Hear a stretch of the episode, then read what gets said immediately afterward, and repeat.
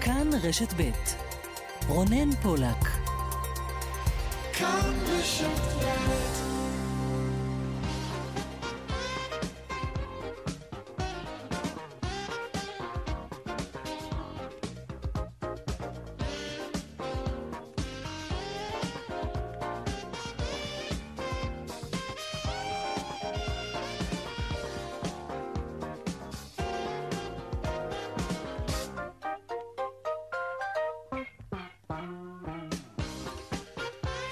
ארבע ועוד אה, חמש דקות וחצי, צבע הכסף, התוכנית הכלכלית כאן ברשת ב', שלום לכם, תודה שאתם איתנו. מפיקת התוכנית היום היא הילה פניני, טכנאי השידור הוא אריאל מור, אני רונן פולק, המייל שלנו כסף כרוכית כאן.org.il,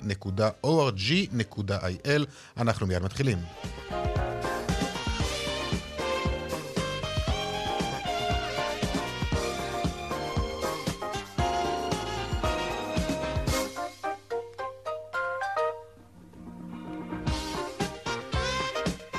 פותחים בכותרות צבע הכסף, ועדת הכספים אישרה שינויים והעברות בתקציב המדינה, ובין היתר אישרה תקציב עבור 125 תקני כוח אדם לתגבור לשכות האוכלוסין. זה נושא קריטי ביותר עבור הרבה מאוד אנשים שלא מצליחים לקבוע תור להנפקת דרכון. שלום לך זאב קם, כתבנו בכנסת.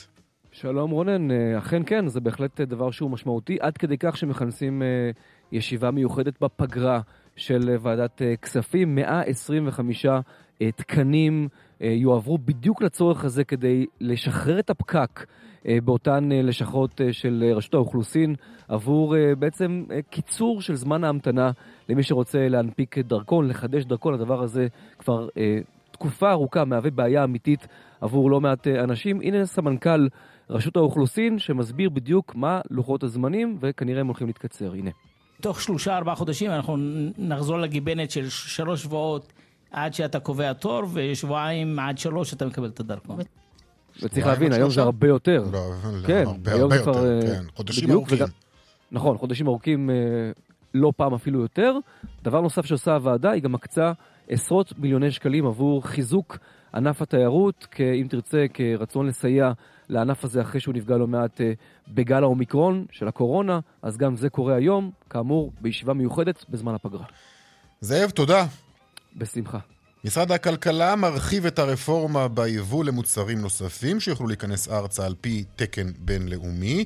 בין המוצרים שנכנסו לרשימה, אה, טמפונים, נוזל כלים וגם ילקוטים, אוטוטו שנת הלימודים הרי. שלום דנה ירקצי, כתבתנו לענייני כלכלה. שלום רונן. נכון, אה, שרת הכלכלה החליטה להרחיב את הרפורמה ביבוא, היא מוסיפה אה, מוצרים נוספים כמו טמפונים, נוזל כלים, אבקות כביסה ואבקות למדיחי כלים, גם אה, סיפור הילקוטים, קצת נסביר מה זה הרפורמה ליבוא, במקום ש...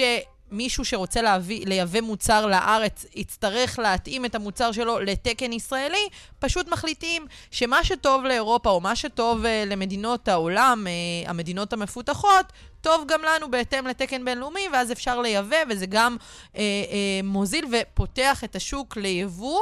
הדבר הזה מגיע בעקבות ביקורת מאוד גדולה על משרד הכלכלה ומשרד הבריאות, שהותיר מחוץ לרפורמה uh, תחבושות, טיטולים, מוצרים שדווקא עכשיו עם ההתייקרויות, אה, גל ההתייקרויות של אה, אה, היבואניות הגדולות, כמו דיפלומט, כמו שסטוביץ', כמו קימברלי קלארק, שהודיעו על התייקרויות במוצרים הבסיסיים, כמו נייר טואלט, תחבושות, טיטולים, אין באמת היצע נוסף. כלומר, אין לנו מה לבחור מלבד שלוש חברות ששולטות בשוק, mm-hmm. ואת זה גם כותבת אה, השרה בהודעה שלה, ש, שהמוצרים הללו, היא פותחת את זה, אה, אה, היא, היא, היא, היא בחרה את המוצרים הללו בגלל שאותם מוצרים משתייכים לשווקים ריכוזיים ביותר.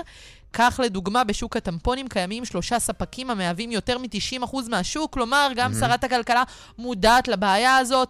בעקבות הביקורת, חבל שלא עשו את זה כבר ביוני, לא ברור למה חיכו עד עכשיו.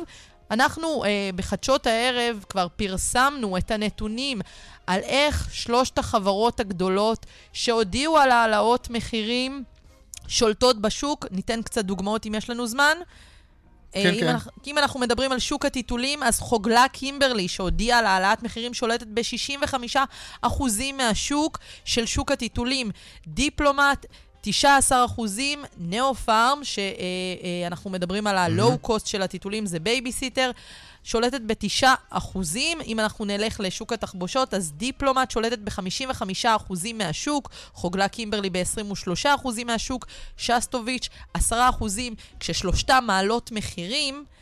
אין באמת לצרכן דרך לנסות ולעקוף כן. את uh, ההודעות הללו ולהילחם בעצם. אז עכשיו מודיעה שרת הכלכלה, הטיטולים עדיין נמצאים במשא ומתן, רוצים לעשות גם uh, בסיפור הזה איזשהו כן. שינוי, זה עדיין לא קורה. דנה, תודה. תודה. חודש המשא ומתן בין האוצר להסתדרות המורים אחרי נתק במגעים מאז סיום שנת הלימודים. מיד אה, נתעדכן על כך. נדל"ן, על אף העלאות הריבית במשק, בחודש יוני נרשמה ירידה קלה בלבד בנטילת משכנתאות חדשות. נעסוק בכך, וגם אה, בהמשך, ברקע המשבר בהייטק, נבדוק מה קורה בחברות ההשמה, האם באמת נעצרו הגיוסים. נדבר על כך וגם הדיווח משוקי הכספים כרגיל לקראת סוף התוכנית, צבע הכסף, עד חמש, אנחנו מיד ממשיכים.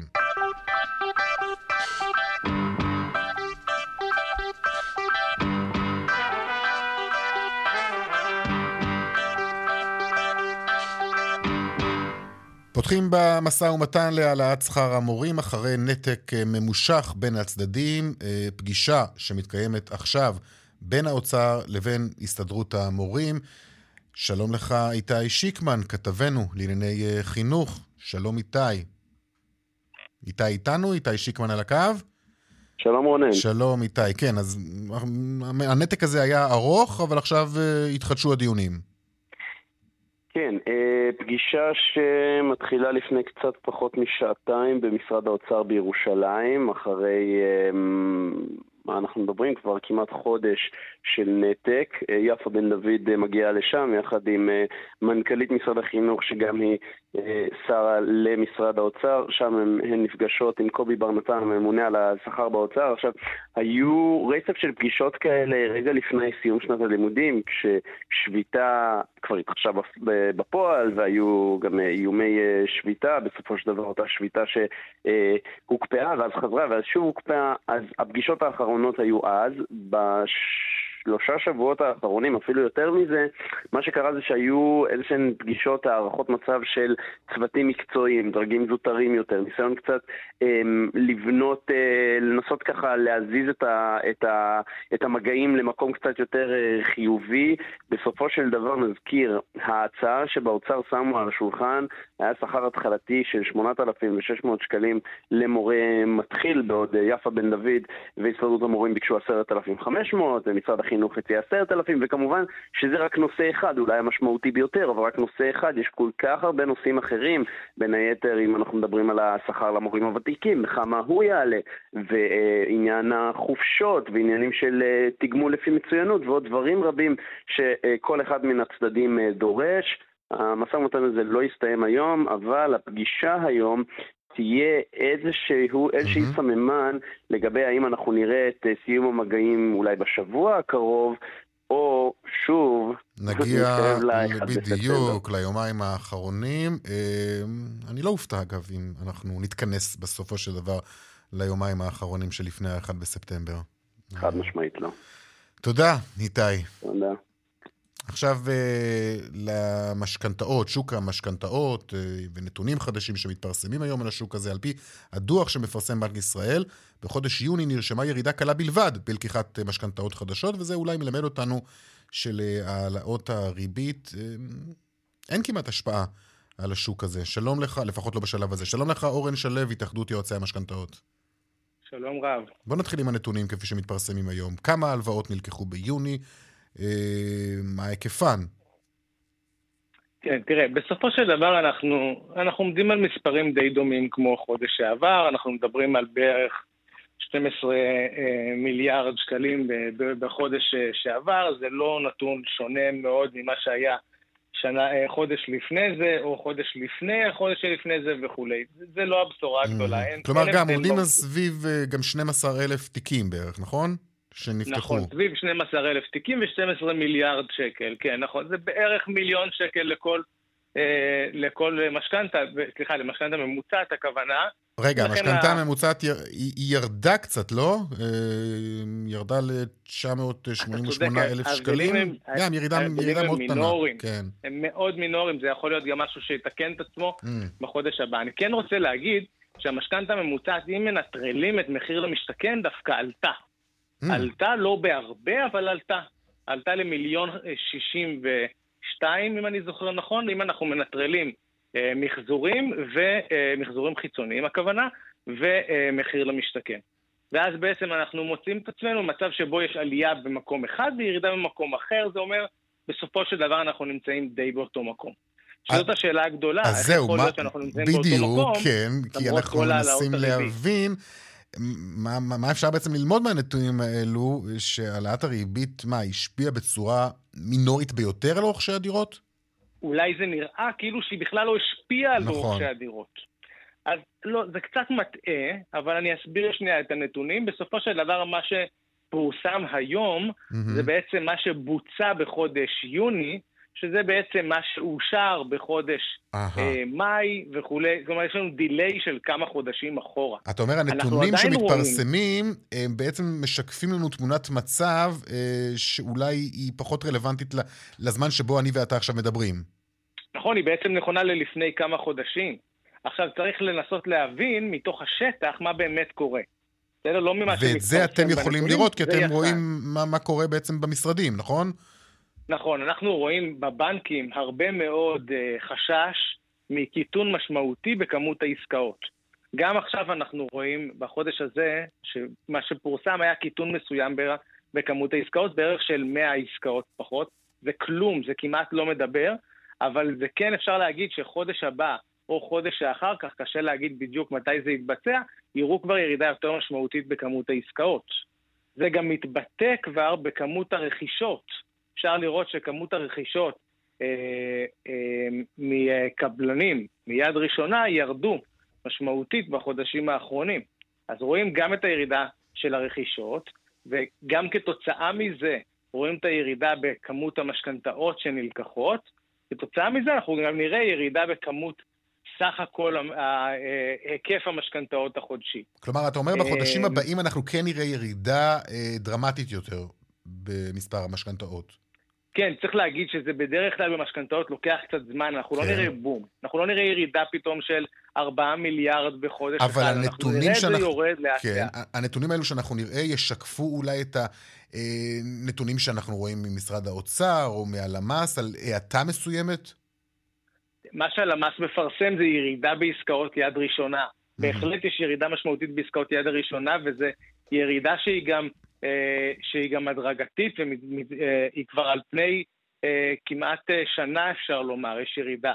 כל הזמן רואים ירידה נוספת אה, ברכישות דירות יד ראשונה. מהמם. אנחנו רואים את זה גם עכשיו, אנחנו רואים, רואים גם ירידה משמעותית עוד יותר בזמן האחרון, אבל שוב, זה לוקח זמן עד שזה מתבטא במשכנתאות, כי יחד עם זה שאנחנו רואים את אותה ירידה בכמות העסקאות, יש הרבה מאוד אנשים שרוצים להקדים תשלומים לקבלן כדי לשלם פחות מדד תשומות הבנייה, ואז הם לוקחים משכנתה מוקדם יותר ממה שהם היו אמורים לקחת משכנתה, עכשיו, והם מגדילים את היקף המשכנתאות, יחד עם אותם אנשים שפחות קונים, ומקטינים את היקף המשכנתאות. טוב, אה, לסיום אני רוצה לשאול אותך, על פי מה שאתם רואים אה, בטווח הזמן הזה, האם גם יש הש- השפעות על המחירים?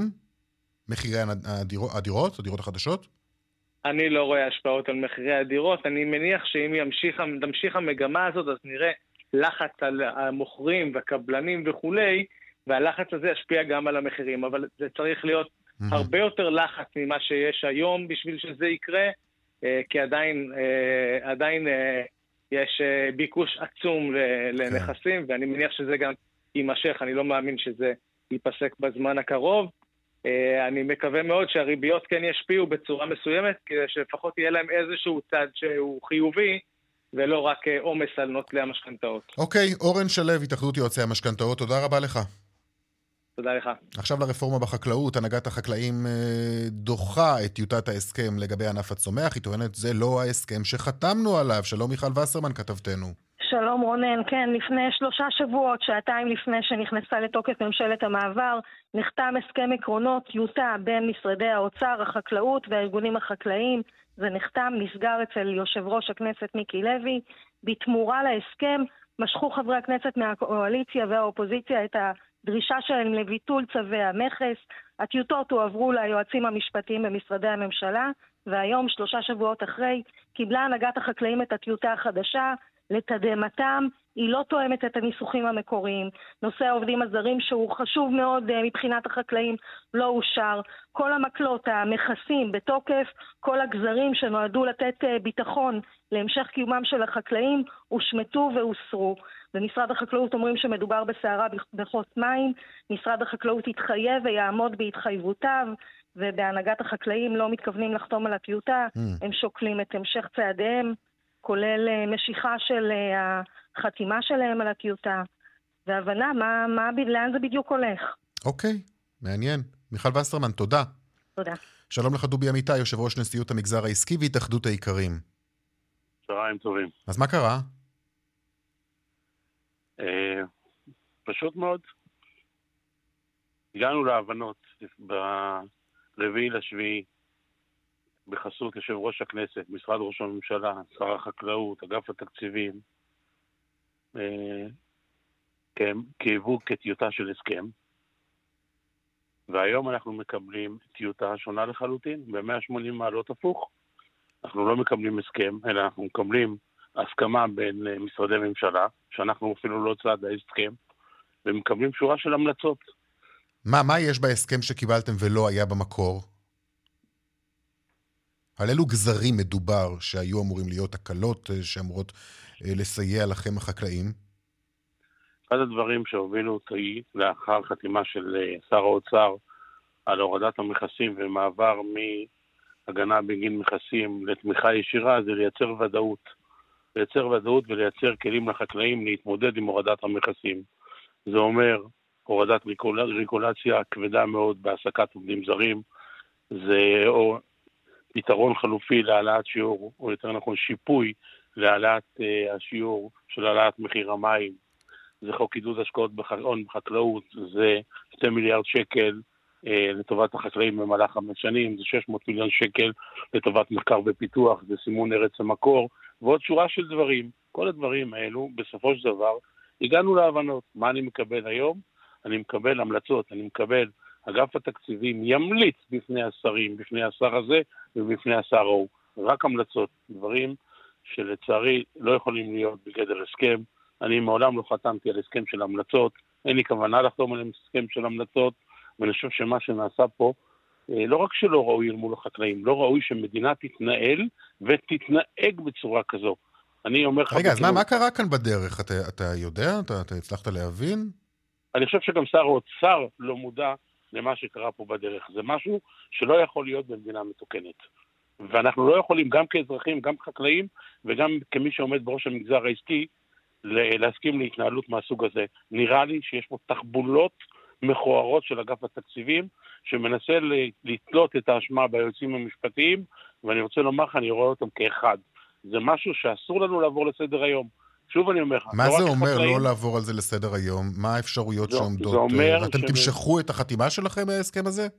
ראשית, כשאני ראיתי את הטיוטה של ההסכם, שאני לא צד להסכם הזה, אין סיבה בעולם שאני אחתום. א', לא חתמתי על כלום, ב', בתצורה הזאת אין סיבה שאני אחתום, ואם המדינה רוצה להתנהל ככה, בצורה הזו, שתתנהל, היא לא צריכה את החתימה שלי, אף אחד לא צריך לרוץ אחריי.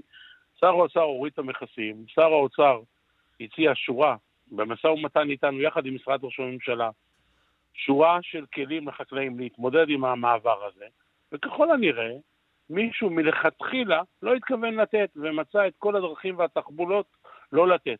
הדבר החמור בעיניי, שאתה יושב, אני יושב, יותר נכון במקרה הזה, יחד עם חבריי בהנהגה החקלאית, בלשכתו של יושב ראש הכנסת, עם מרבית, כ-17 חברי כנסת מהשדולה החקלאית, עם יועצים משפטיים, עם אה, אה, אגף התקציבים, וכולם מסכימים, ואחרי שלושה שבועות אתה מקבל 180 מעלות הפוך, אתה בא ואתה אומר, חברים יקרים, היה פה משא ומתן שלא בתום לב. מהמם. מדינת ישראל, באמצעות הפקידות הזו, מתנהגת בצורה לא ראויה.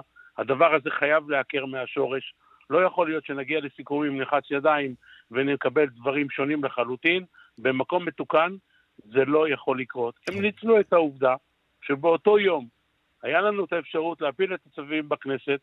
הם לחצו, ביקשו, התחננו, שזה היום האחרון באמת להגיע להסכם כל עוד הכנסת לא התפזרה. אתה יודע מה, רונן, אני אומר פה משפט, כן. המשפט הבא. יכול להיות, יכול להיות שהיינו נאיבים, יכול להיות שאנחנו חקלאים, האמנו במדינה, האמנו במנהיגות של המדינה, אבל לצערי התבדינו. מה שראינו אתמול בלילה זה דבר שלא יכול באמת במדינה מתוקנת להתנהל בצורה הזאת. אומרים במשרד החקלאות, שערה בכוס מים, לעמוד בהתחייבויות שלנו. אז הם לא צריכים את החתימה שלי. לא חתמתי אז ולא אחתום היום, שיעמדו בהתחייבויות שלהם ויתחילו להפעיל את כל המנגנונים שקבענו. אין שום. בעיה, הם לא צריכים אותי. אנחנו לא עושים סערה ולא עושים רעש, אנחנו אומרים פשוט את האמת, האמת הכאובה של התנהלות שלא ראויה, ואין שום בעיה, קדימה. תגיד, שר אה, החקלאות, אוקיי, שיעמוד בכל ההתחייבויות שלו, שאגף התקציבים יעמוד בכל ההתחייבויות שלו, אבל את החתימה שלי הם יוכלו לראות רק בתמונה. הבנתי, אוקיי. אה, אני רוצה לשאול אותך לסיום. אתמול אה, דיבר ראש הממשלה לפיד בישיבת הממשלה ושיבח את אה, שר האוצר אה, ליברמן על כך שמחירי הפירות והירקות במגמת ירידה. יש קשר לעבודה שכרגע נעשית כדי שהמחירים ירדו, או שמדובר בסופו של דבר במחירים עונתיים? שהם מדובר- שגורמים לירידות כרגע. מדובר בשנת שפע שלנו החקלאים, ותודה לאל בשנה מאוד ברוכה, להבדיל משנה שעברה שהייתה מעוטה, הייתה לנו פגיעה קשה ממזג האוויר, הייתה לנו פגיעה אקלימית, היה לנו המון דברים שלא היו לטובתנו השנה. יש לנו את כל הכמות, כל הקפסיטי שלנו, אין שום קשר, ולו המקרי ביותר, לעניין הרפורמה. הרפורמה בסופו של דבר על ענף הפירות, מבחינת הורדת המכסים, לא התחילה, לא, לא רואים אותה, אנחנו נראה אותה אולי שנה הבאה. אז מה שאתה אומר זה. שכשיש הרבה פרי, מן הסתם המחירים יורדים. אבל אנחנו רוצים להתייחס לתקופות דווקא שאין הרבה פרי, כמו שנה שעברה, כדי שלא נגיע למצב שנצטרך לשלם 60-70 שקל על נקטרינות, ולא נצטרך לשלם מחירים מטורפים על שאר אה, פירות הקיץ, גם כמובן, פירות החורף וכולי. זו בדיוק המטרה. אני חושב שהמטרה ומה שאתה מבקש ומציג זה הדבר הנכון. ואנחנו תמיד באנו ואמרנו, אחד, תנו לנו את כל הכלים על מנת שנייצר הרבה יותר. כשאני אומר תנו לנו את כל הכלים, תנו לנו את כל כמויות המים. אני חי היום עדיין Mhm. בעולם של הקצוות, אני לא יכול לפחות עוד 30% מהשטח שלי לגדל את מה שאני צריך לגדל.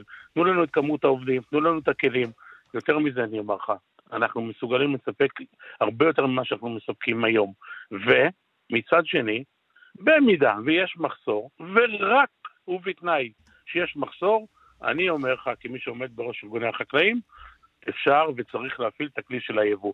אבל אי אפשר, אי אפשר להפוך את זה לשיטה.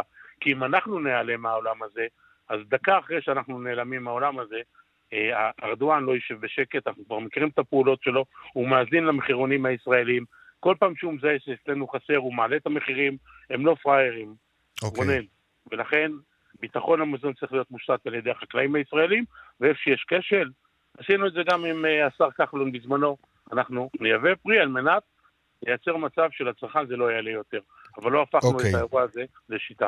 דובי אמיתי, יושב ראש נשיאות המגזר העסקי והתאחדות האיכרים, תודה רבה לך. תודה והמשך יום טוב. להתראות. עכשיו לניסיונות המייאשים להוציא דרכון בימים אלו, כן, כן, זה לוקח חודשים, חודשים ארוכים, רק כדי לקבוע תור. והנה היום בשורה שעשויה אה, לקצר כנראה לשבועות בודדים את זמני ההמתנה. שלום לך נאיף אינו, סמנכ"ל בכיר למינהל ולהון אנושי, רשות האוכלוסין וההגירה, שלום. צהריים טובים לך רונן ולמאזינים. אז היום מאשרת ועדת הכספים של הכנסת עוד 125 תקנים. מה זה אומר? נכון, זו תוספת לכוח האדם שנמצא כרגע ברשות ועובד על מנת אה, לתת שירות. אה, כוח האדם הזה אמור להיקלט, ב, אני מניח, בחודש וחצי, חודשיים, ותוך שלושה, ארבעה חודשים יתחיל לתת uh, תוצר, וכולנו תקווה שנוריד את הזמנים Mm. ונחזור לאותן uh, תקופות יפות וטובות של כולם. כלומר, אתה אומר, אוקיי, זה ייקח עוד שלושה, ארבעה חודשים, הקיץ הזה כבר אבוד, זה מה שאתה אומר. זה... הקיץ הזה אבוד. אה, אנחנו השתדלנו כעובדי רשות, הרשות הכפילה את ה- הנפקת הדרכונים, וגם אה, הקימה לצורך העניין הקמת מתקן דרכונים זמני לכל מי שכן רוצה לצאת. זה לא. שמישהו נתקע ולא יצא בגלל הרשות, כל מי שביקש או שקבע תור או שהלך, רשות האוכלוסין וההגירה הנפיקה אה, בחודשים אה, האחרונים כ-180 אלף דרכונים בכ- בכל חודש, כפול ממה שהיה בשנים עברו. העומסים אכן היו, וכל מי שצריך דרכון זמני, יש לנו מתקן מיוחד שהקמנו בבני ברק, שמנפיק ביום כמעט כאלף דרכונים ביום זמני לשנתיים לפי אישור השרה, וכל אה, מי שצריך וצריך דרכון, הוא יכול להגיע לשם כן. ולקחת את זה. נכון, וגם היה אישור לאנשים לצאת עם דרכונים זרים, נכון? עד כמה שאני נכון, זוכר? נכון, היה אישור לצאת עם דרכונים זמניים, זמני- וגם מי זרים. שנרשם ומגיע לשדה, היה גם אה, בשדה התעופה עצמו אפשר היה לעשות גם דרכונים אה, זמניים. לא, אני מדבר על. דרכונים זרים גם, שהיה אפשר לצאת גם, איתם. נכון, כן. זה עדיין תקף ואפשר לצאת עם דרכון זר. אז מתי נרגיש את ההקלות האלו? אתה אומר שלושה, ארבעה חודשים, אז זה יקרה? אני מניח שיותר קצת, שלושה ארבעה חודשים, אמרתי חודש וחצי, חודשיים עד שנקלוט את העובדים. אני צריך עם מכרזים, לקלוט עובדי מדינה אה, ולהכשיר אותם, ואחרי שמכשירים אותם מתחילים לתת את התפוקות, אני מעריך תוך חמישה, שישה חודשים. אה, מה, מה, הזמן אנחנו- האידיאל, מה הזמן האידיאלי לקבל דרכון, מבחינתך? אחרי שתיגמר הקליטה הזאת של העובדים החדשים ונוכל לחזור לעבודה כרגיל. אמרתי, אני, אני מעריך שבנובמבר-דצמבר נחזור לאותם זמנים של אה, שבוע, שבועיים לקבוע תור שלוש שבועות Mm. בלשכות, להגיע ללשכה בתוך שבוע, שבועיים עד שלושה לקבל את זה בדואר, זה גם תלוי לא רק בנו, גם בדואר, ונחזור לאותם אה, ימים טובים. ואני רוצה להזכיר לך, אפילו לפני שנתיים אנשים קבעו מהיום להיום אה, תורים בלשכות שלנו והגיעו וקיבלו שירות. הייתה מלחמה בדרך, הייתה אה, קורונה בדרך, והיו עולים גם לצורך העניין שאותם עובדים שלנו המסורים מהמם.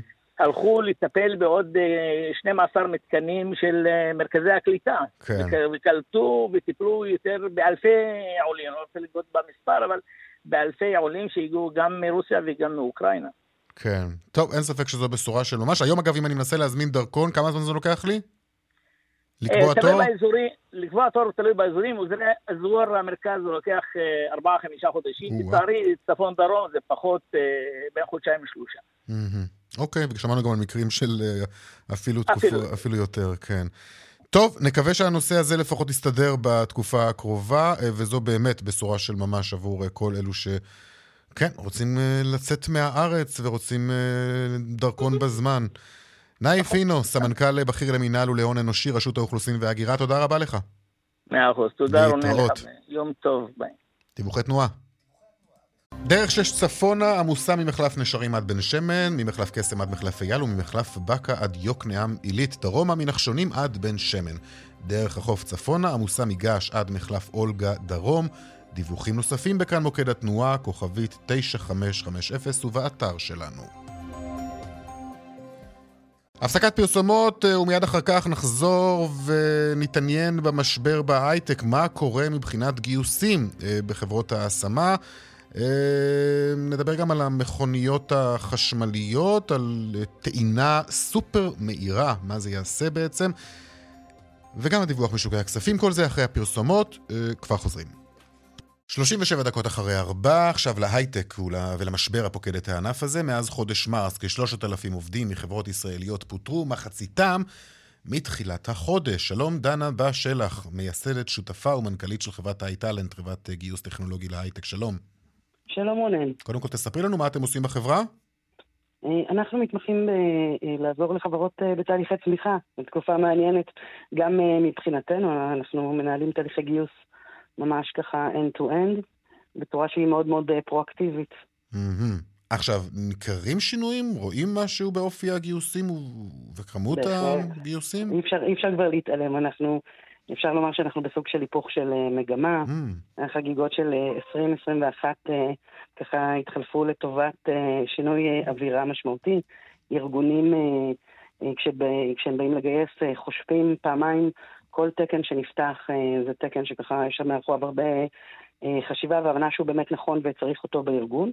ועם זאת אני חייבת לומר שיש הרבה מאוד אה, חברות שממשיכות לגייס. כלומר, יש נתח משמעותי של חברות שככה עצר, חושב, בעיקר חברות שקראנו להן שנה שעברה יוניקורנים, השנה אנחנו רואים שהטרנזישן עובר לכיוון של חברות ה-early stage, כלומר חברות שגייסו ב-2021 לא מעט כסף ועכשיו צריכות לגדול. Hmm. עכשיו, על אילו משרות כן קופצים עדיין ועל אילו פחות? טוב, אנחנו, אני חושבת שהנתונים גם יצאו על ידי המדען הראשי, אנחנו עדיין בחוסר של 30 אלף מהנדסים בכל זמן נתון, ולכן אה, אם נדבר על משרות הפיתוח, הן עדיין בביקוש מאוד גבוה. המהנדסים, אה, כל אלה גם שיצאו מהחברות, אה, ככל הנראה בתקופה הקרובה, מהר מאוד ימצאו את, עצמם, ימצאו את עצמם בארגונים הבאים. אנחנו מדברים על תפקידי DevOps, אה, עולם שהוא אה, מאוד מאוד מבוקש. גם אה, בהקשר של תפקידים בכירים, יש הרבה מאוד תזוזות עדיין, יש, מבחינת הביקושים, אנחנו בהחלט רואים שהשוק לא נמצא בקיפאון. אהה, אבל בכל זאת, את יכולה לומר אם יש באמת אה, פחות זזיתיות בתחום? כלומר, עובדים היום יותר חוששים, אנחנו זוכרים בזמנו, עובדים היו קופצים ממקום למקום, הולכים מרעיון לרעיון. את שמה לב היום שמה, עובדים אולי מעדיפים כן לשמור על מקום העבודה שלהם, לחשוב פעמיים לפני שהם עוזבים? בהחלט. אנחנו מתחילים לראות מגמה שיש מאחורי הרבה מאוד היגיון, כמו שהמשקיעים שאלו איפה הכסף ולאן mm. אה, הארגונים הולכים, אותו דבר גם שואלים המועמדים, יש הססנות יותר גדולה. זה הופך את העבודה שלנו ב-iTalent ליותר מורכבת אה, ומאתגרת, אבל אה, בהחלט רואים את זה, זאת אומרת, השאלות הם מאוד רוצים לדעת אה, כמה כסף יש לארגון, אה, כמה זמן הוא יוכל להחזיק מעמד. אה, זה שאלות שמאוד מאוד מעניינות את המועמדים. עדיין יש גם את השאלות האחרות, אבל אני חושבת שאנחנו בהחלט רואים שזה תופס היום מקום יותר משמעותי ממה שהיה לפני שנה. מה לגבי מה שכונה בזמנו חגיגות השכר? אז פה גם אנחנו רואים, קודם כל התמתנות כבר ראינו, העקומה התיישרה, התיישרה בעיקר ברבעון השני של השנה. אה, אנחנו רואים, גם רואים ירידות קטנות, אבל הן מאוד מאוד קלות וקשה מה, עדיין. מה, מה, דברי, דברי במספרים, על כמה כסף אנחנו, אנחנו מדברים? מדברים שכר של מה? אנחנו מדברים בין החמישה לעשרה אחוזים אה, התמתנות ב, אה, של התמתנות בשכר, זה בעיניי כרגע מינורי וצריך לבחון את זה לאורך זמן. כשמה השכר הממוצע, זה... מה, או, או, או, או, או את יודעת, על איזה משכורות אנחנו מדברים? עבור מתכנתים, עבור אנשים בתחום? אנחנו מדברים uh, באוכלוסיות שאייטלנט מטפל בהן עבור המתכנתים, אנשים שהם נניח עם חמש פלוס שנות ניסיון, אנחנו מדברים על שכר שעומד בין 35,000 שקלים ל-45,000 שקלים בחודש. Uh, זה עדיין אה, שכר גבוה והרבה יותר גבוה מהממוצע בשוק.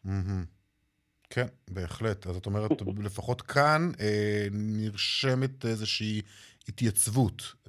התייצבות, בהחלט. בשלב הזה, אני חושבת שאנחנו כולנו בהמתנה להבין ככה מה, מה יקרה הלאה, אבל כרגע אנחנו לחלוטין אפשר כבר לדבר על התייצבות בשכר, שזה גם מאוד מאוד הגיוני. אני חושבת שהגענו כבר בשנה, בשנה הקודמת, 2021, אצליינה בעליות... אה, אה, דרמטיות של, של, של עשרות אחוזים בשכר, mm. אז ההתייצבות היא טובה. שזה היה אגב קצת אה, גם מוגזם לצד השני, נכון? קצת אנשים קפצו מעל היכולת שלהם. תראה, בסוף ההוצאה הכי גבוהה של ארגון היא הוצאה על שכר העובדים. בארגונים כן. טכנולוגיים. והמאבקים ו... על העובדים היו מאבקים מאוד קשים בין החברות עצמן, וזו אחת הסיבות לכך שהשכר עלה ועלה ועלה. נכון, אבל המאבקים הם בכמה מישורים. תראה, שכר הוא בהחלט אה, מוטיבטור ומוטיבטור משמעותי, כן. אבל אה, בסוף כשמהנדס בא לבחור את הארגון שלו, יש עוד כמה פרמטרים שהוא לוקח אה, בחשבון, והתחרות על הטאלנט בגזרות האלה, אני חייבת להגיד שהיא עדיין קיימת. זאת אומרת, אם...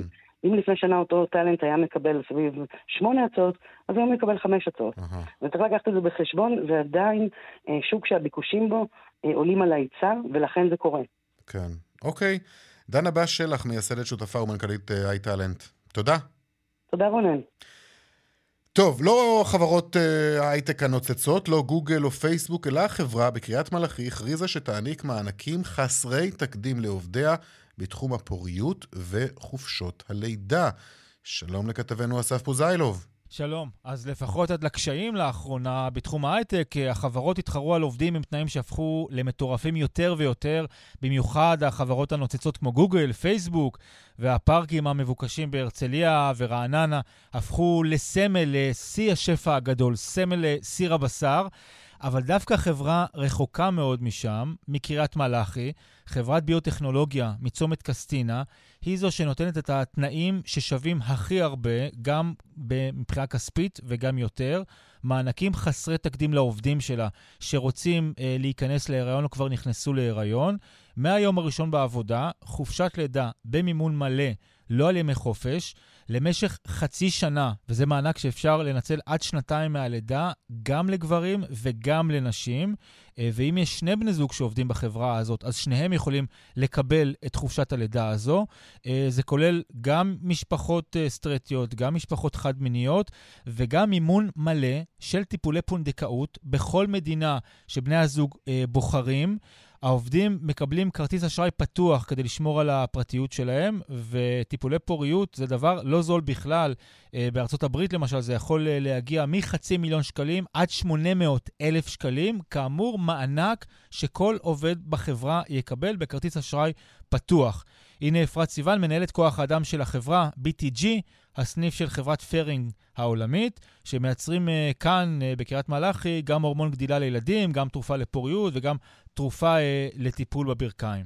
חברת פרינג יכלה לקבל החלטה של אה, לתת מענק כספי במקום חופשת הלידה, אבל המסר היה תשקיעו בבניית המשפחה שלכם, תהיו בבית עם הילדים, תבנו את התא המשפחתי. בסוף זה מתחבר גם לפעילות העסקית של החברה שלנו שעוסקת בתחום הפוריות ועוזרת לנשים בכל העולם.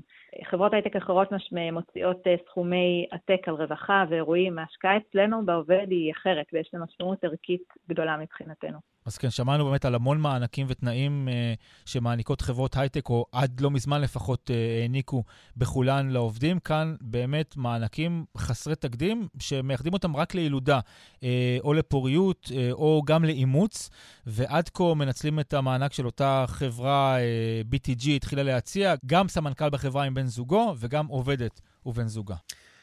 תודה, אסף פוזיילוב, דיווחי תנועה. באיילון צפון העמוס ממחלף חולון וקיבוץ גלויות עד גלילות, דרומה ממחלף רוקח עד הגוארדיה בדרך 85, בצומת אחיוד עמוס מאוד, לבאים משני הכיוונים בגלל תאונת דרכים.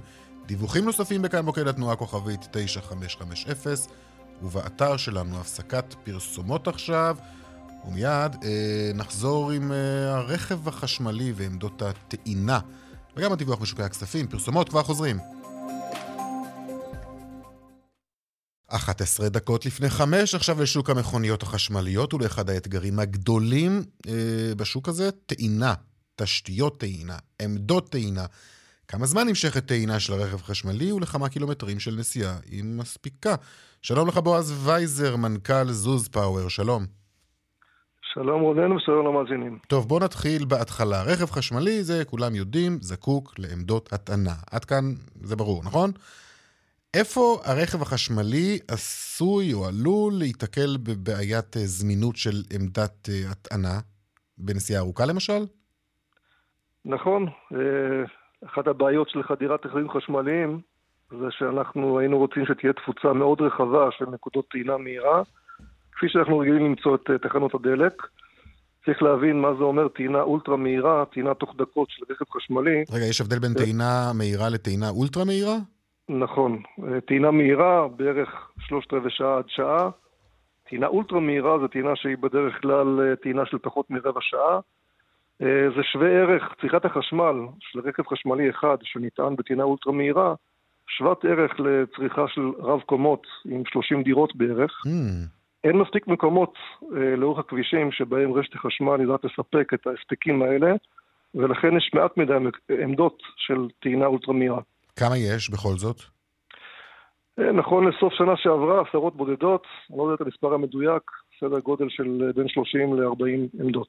ואם אנחנו משווים את זה פר אה, רכב, מה שנקרא, כלומר, כמה כלי רכב חשמליים? אז נכון, נכון על סוף 2021 היו בערך 15,000 רכבים חשמליים, וזה לא מספיק. נכון להיום, רוב הנהגים הם עדיין כאלו שיש להם את החניה הפרטית בבית. אבל ככל שיהיו יותר ויותר... רגע, ובחניה הפרטית בבית לא מספקת אה, טעינה מהירה, נכון? כי אתה מן הסתם מגיע בערב, ואתה מטעין, אתה הולך לישון, הוא קם בבוקר, וזה לא משנה לך כמה זמן זה ייקח, זה יכול לקחת שעות הרי. מדויק. אם אתה טוען במשך הלילה, אז אתה לא צריך טעינה מהירה, מספיקה טעינה איטית. אוקיי. אה, וגם זה יוגבל ככל שיהיו יותר ויותר רכבים חשמליים. בעצם תשתית החשמל גם בבית היא כזו שלא תדע לספק ליותר ממשהו כמו 20 אחוז.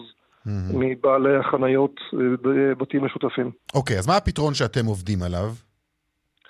אנחנו מציעים פתרון של פאוור בוסטר. זאת אה, מערכת אגירת אנרגיה שיודעת להיטען מרשת החשמל הקיימת, גם אם זאת רשת חלשה, אה, וכאשר רכב מתחבר למתן, היא עושה סוג של פלאש, היא בעצם מתרוקנת מאוד מהר מהאנרגיה שבתוכה, ובצורה הזאת מאיצה בצורה משמעותית עד פי שלוש את משך הזמן שבו הרכב אה, חשמלי נטען.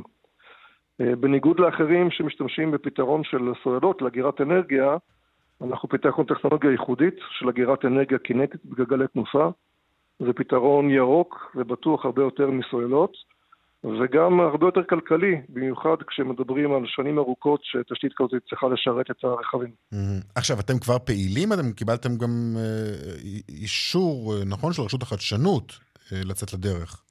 נכון, אנחנו בעצם יצאנו לדרך עכשיו עם אה, פיילוט משותף עם אה, דור אלון ואפקון תחבורה חשמלית, אה, להקים נקודת טעינה אולטרה מהירה ראשונה שלא דורשת שדרוג של תשתית החשמל באותה נקודה. אנחנו הולכים להקים את זה בתחנת התדלוק של דור אלון בסגולה, בפתח תקווה. ואנחנו חושבים שהפתרון הזה יוכיח שאפשר להגיע לתפוצה הרבה יותר רחבה של מטענים מהירים, גם ללא המתנה לשדרוג רשת החשמל. בואו בוא ננסה ככה, אתה יודע, ללכת קדימה. דבר איתי במושגים של שנה, שנתיים, אתה יודע מה, חמש שנים קדימה. איך אנחנו, איפה אנחנו רואים את השוק הזה? תראה, אנחנו חד משמעית רואים שוק שהוא שוק אה, עם הרבה מאוד סוגים של פתרונות, אבל הרבה פתרונות של אה, טעינה אולטרה מהירה, מדובר על אלפי עמדות של טעינה אולטרה מהירה. בעולם מדברים על אה, יחס של משהו כמו 1 ל-100, כלומר Mhm. לכל 100 רכבים חשמליים צריך נקודת טעינה אולטרה מהירה אחת. ולכן אם מסתכלים רק על מדינת ישראל, זה כרגע הצפי שהוא כבר ב-2025, יהיו בערך 150 אלף רכבים חשמליים ואפילו יותר, אז רק בטווח הזמן הזה, שלוש שנים קדימה, צריך בערך בין 1,000 ל-1,500 נקודות טעינה אולטרה מהירה. אוקיי, טוב, אה, נעקוב אחרי הסיפור הזה, כי זה חשוב. כמובן, הרכבים האלו הולכים ונעשים פופולריים, כי צריך להזכיר, המיסוי עומד לעלות גם הוא, אה, וזה גם כמובן רלוונטי לכל מי שמקבל החלטה בנושא הזה. נמשיך לעקוב ולעסוק בכך. בועז וייזר, מנכ"ל חברת זוז פאוור, תודה רבה לך. תודה רבה לכם. עכשיו יום טוב. ל... יום טוב, עכשיו לדיווח משוקי הכספים.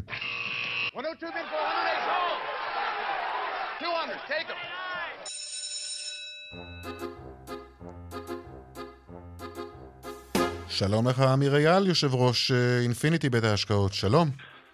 שלום, שלום, רונן. מה שלומך? מה קורה בשווקים?